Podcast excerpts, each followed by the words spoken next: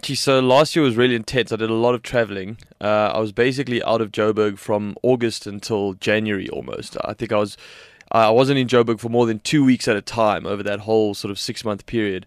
Um, and so when I got back from tour in January, I wanted to just be at home a little bit and see my cats and see my girlfriend. so it's uh, the the January and February have been a little bit more chilled. Um, I'm busy uh, writing at the moment for my new album, and uh, we are in talks to uh, get the first single produced. Um, one of the things I was doing last year, which is why I was traveling so much, was I was in Los Angeles and I was writing with a whole bunch of producers and musicians on that side. So at the moment, um, we are busy working on producing and taking those songs to a sort of producer that we're excited about, and probably going to get it done in the states. So it's uh, it's an intense time, but at least I'm not traveling as much right now. Yeah. You'll eventually be traveling when you uh, you're Yeah, obviously absolutely. going back to the US. going back to the US, going to be doing more tours in South Africa. Uh, the shows, I mean, generally January, February is uh, kind of a little. I, I sort of take off a bit of time then because we've just come off of a national tour. We did 18 shows in 20 days, so it's nice to it's nice to have a little break. but um, yeah, I mean, it's all going to kick off again, sort of March time.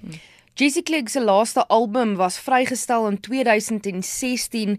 Baie kunstenaars stel elke jaar of elke 2 jaar musiek vry.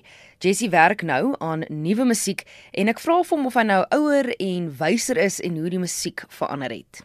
Um, you know, I think that nowadays with the internet and the way people listen to music has changed so much that the the concept of an album is almost you know dying. Absoluut. ja. Um, so you know, people uh, or as as musicians, you know, it's there's a lot of pressure on us to have as much content as possible.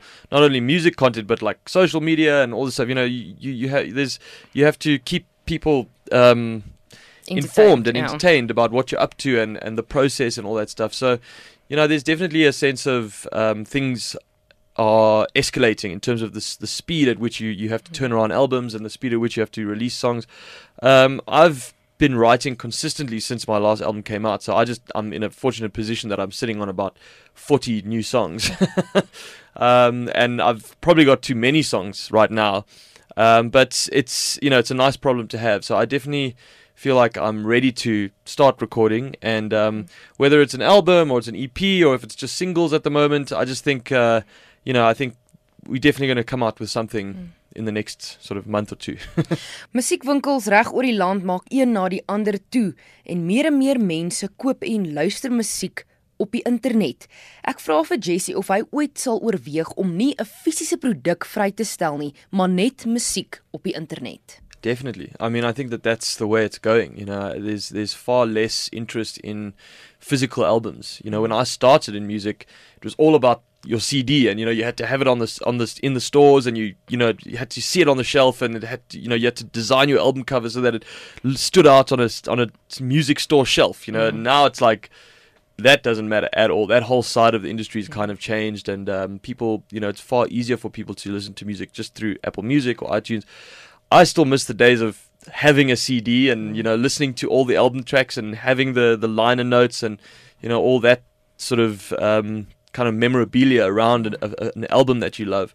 But I don't know, things change, you know, and um, I'm I'm you know for me it's it's it's I'm just happy that I'm able to release music and people are still with me and that you know I still have my fans that will are still interested you know. So it's uh, it's it's a blessing in a way you know you can't you have to adapt with the times I suppose. Jesse Clegg reis gereeld na Los Angeles in Amerika om met vervaardigers daar te werk en ek vra vir hom waarom het hy juist spesifiek soontoe gegaan? It's it wasn't really a thing of better or worse. Uh, you know, my last album was done completely in South Africa. We actually did it in Potch of all places. um, but it was, you know, I, I I I really enjoyed making that album, and it was the first time I recorded in South Africa since my first album. So it was a great experience. It was a a, a really um, uh, engaging musical sort of journey that I went on with my peers that I really respect. You know, I worked with um, Denham Harding and Earvolt van Rensburg. De- Denham is the bass player of uh, Just Ginger, and Earvolt is the guitarist of Monarch. so you know, they're all Is that bands. why you in Potch? yeah, basically. so we were we were doing it in Potch, and uh, it was just a it was wonderful. You know, I respect both those bands so much, and I respect those two guys just massively. So um, it, it, the decision to go to LA was more just, you know, I've been spending a lot of time there performing, and I've toured in in the states almost every year for the last three four years, and um, I kept on getting this thing of like, you know, I have to produce my music in America if I want to release it in America. You know, there's different countries have a different sort of sound and sort of the artistic decisions you make in South Africa for a South African audience are not always the same mm. decisions you would make for an American audience. You know, so um, it was it was a creative uh, decision in a way, just in terms of where can my sound go? Like how how would this go? You know, I've written all these songs, and what would it sound like with an American mm. sort of take on on these on these ideas? You know, so for me as a solo artist, I enjoyed just challenging myself and being stimulated and being in different environments. So mm. that was really how how the decision came about. Hy het net soveel aanhangers in die buiteland soos in Suid-Afrika en hy praat van die 40 liedjies wat hy reeds geskryf het. Ek wil by Jesse hoor of die musiek wat hy geskryf het vir 'n Suid-Afrikaanse of vir sy Amerikaanse gehore is. You you know when you write a song it's never a situation of like okay this this is a hit single I'm gonna this is for an American audience like I'm going for this radio like you know it's never yeah. you just kind of write about your mm. experiences and the things that you're thinking about and um, the moment you're in you know you you never well for me personally I never have a sense of even whether it's a good song or not. You know, you you just mm. you just kind of express yourself and you try and um, say something that's meaningful and true. And uh, then at the end of that process, you can step back and say, mm. okay, which which songs are getting the best reaction, and you know, you have management and all those other people that kind of can advise you on on which one is the is the right one to go with. But in the writing process, it's very important to be like completely disconnected from that, just mm. to just to have your own space and just be. Um, just be reflective and and be honest with yourself, you know. Jesse vertel meer oor hoe spesifieke liedjies in Suid-Afrika en Amerika op verskillende maniere ontvang word. I mean, I've I've you know been performing in South Africa for, you know, nearly 10 years now. So my you know, I've got hits that that people know and it's a there's a familiarity with mm. the audience which is wonderful. Uh in the states, you know, they're just listening to 10 songs. They don't know which one's a single, which mm. one, you know, they, they have no connection to any of the songs in that way. So they just hear them as if it was the first time, because it literally is the first time. So it's funny, like songs that were never even singles in South Africa, American audiences gravitate to, and songs that were massive hits here for me, American audiences are, you know, don't necessarily, it's not mm. necessarily their favorite song. So it's very interesting. And that was partly why I decided that I, you know, I wanted to get American producer to to work on it because mm. it's just a different ear. It's just that slight difference that you know they would maybe change a chord here or, or or change a melody or do something very small but it would make a big difference overall to the song. In Suid-Afrika is Jesse Clegg hy is houdelike naam en hy is al gevestig en tree op vir baie jare. Maar in die buiteland is daar mense wat nog nooit sy musiek gehoor het nie. Uh, it's an exciting challenge, and you definitely feel like you're, you know, back on the treadmill. you know, you you you you have to um, you have to be, you know, you have to be ready for a completely different type of show. Uh, compared to what what I'm used to in South Africa, uh, mm. which is good.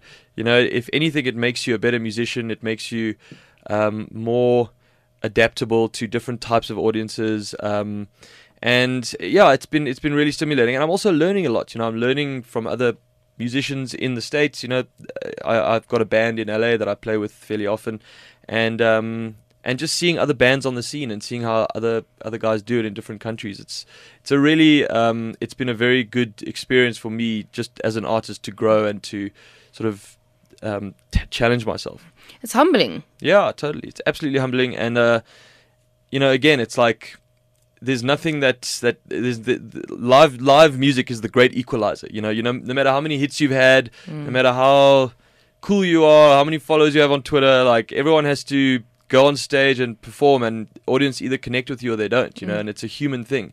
It's and it's temporary. It just lasts in that moment. Mm. It's just that thing that you can you either have that connection or you don't. You know, so it's it's wonderful to um, to be able to have that experience in another country and to challenge myself in that way. Mm. It's wonderful, but it's also it is challenging. Ja. 'n Aspek van regstreekse optredes is wanneer die musikant met die gehoor praat, 'n koneksie maak met hulle. In Suid-Afrika is dit meer eenvoudig vir Jessie want hy is van die land, hy verstaan die kulture, hy ken die mense. maar in die buiteland is dit ietwat anders. Ek wil by hom hoor wat sê hy die vir die gehoor? Hoe maak hy daai koneksie nog voordat hy die eerste noot speel? I mean, I think that you know, I've I've done festivals in like I did South by Southwest um, year Wow. before last in Texas, uh, and that was uh, that's basically a, a festival where artists from all around the world perform. You know, and I was like the only South African artist. you know? And there's different genres as well. Yeah, many different genres. It's a massive, massive festival. It happens every year, and it was quite nerve wracking to be sort of a fish out of water, you know, because a lot of the time, like a, a country will sponsor ten bands to come in. So there's like a Canadian group of bands, and like Canada's like put them up, and like you know, you're going to the Canadian stage, and And it's just Canadian together. bands, and yeah, it's like this. You know, there's a whole support structure there. I was just there. I just got accepted to it, so I was just like, all right, well, I'm gonna go and play.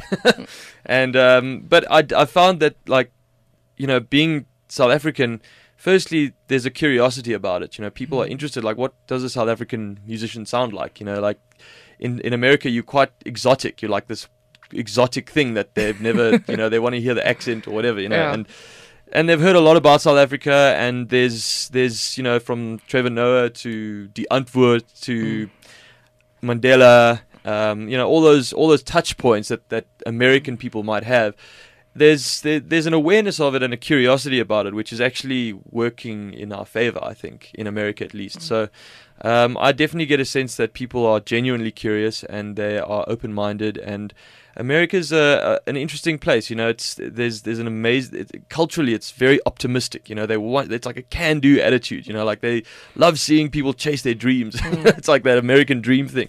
So it's it's been great, man. I mean it's it's not easy, but there's mm. definitely a sense of like there's the potential for a connection, and I can and I, I feel like every year I come back, it grows a little bit more and it grows a little bit more, you know. So we'll see.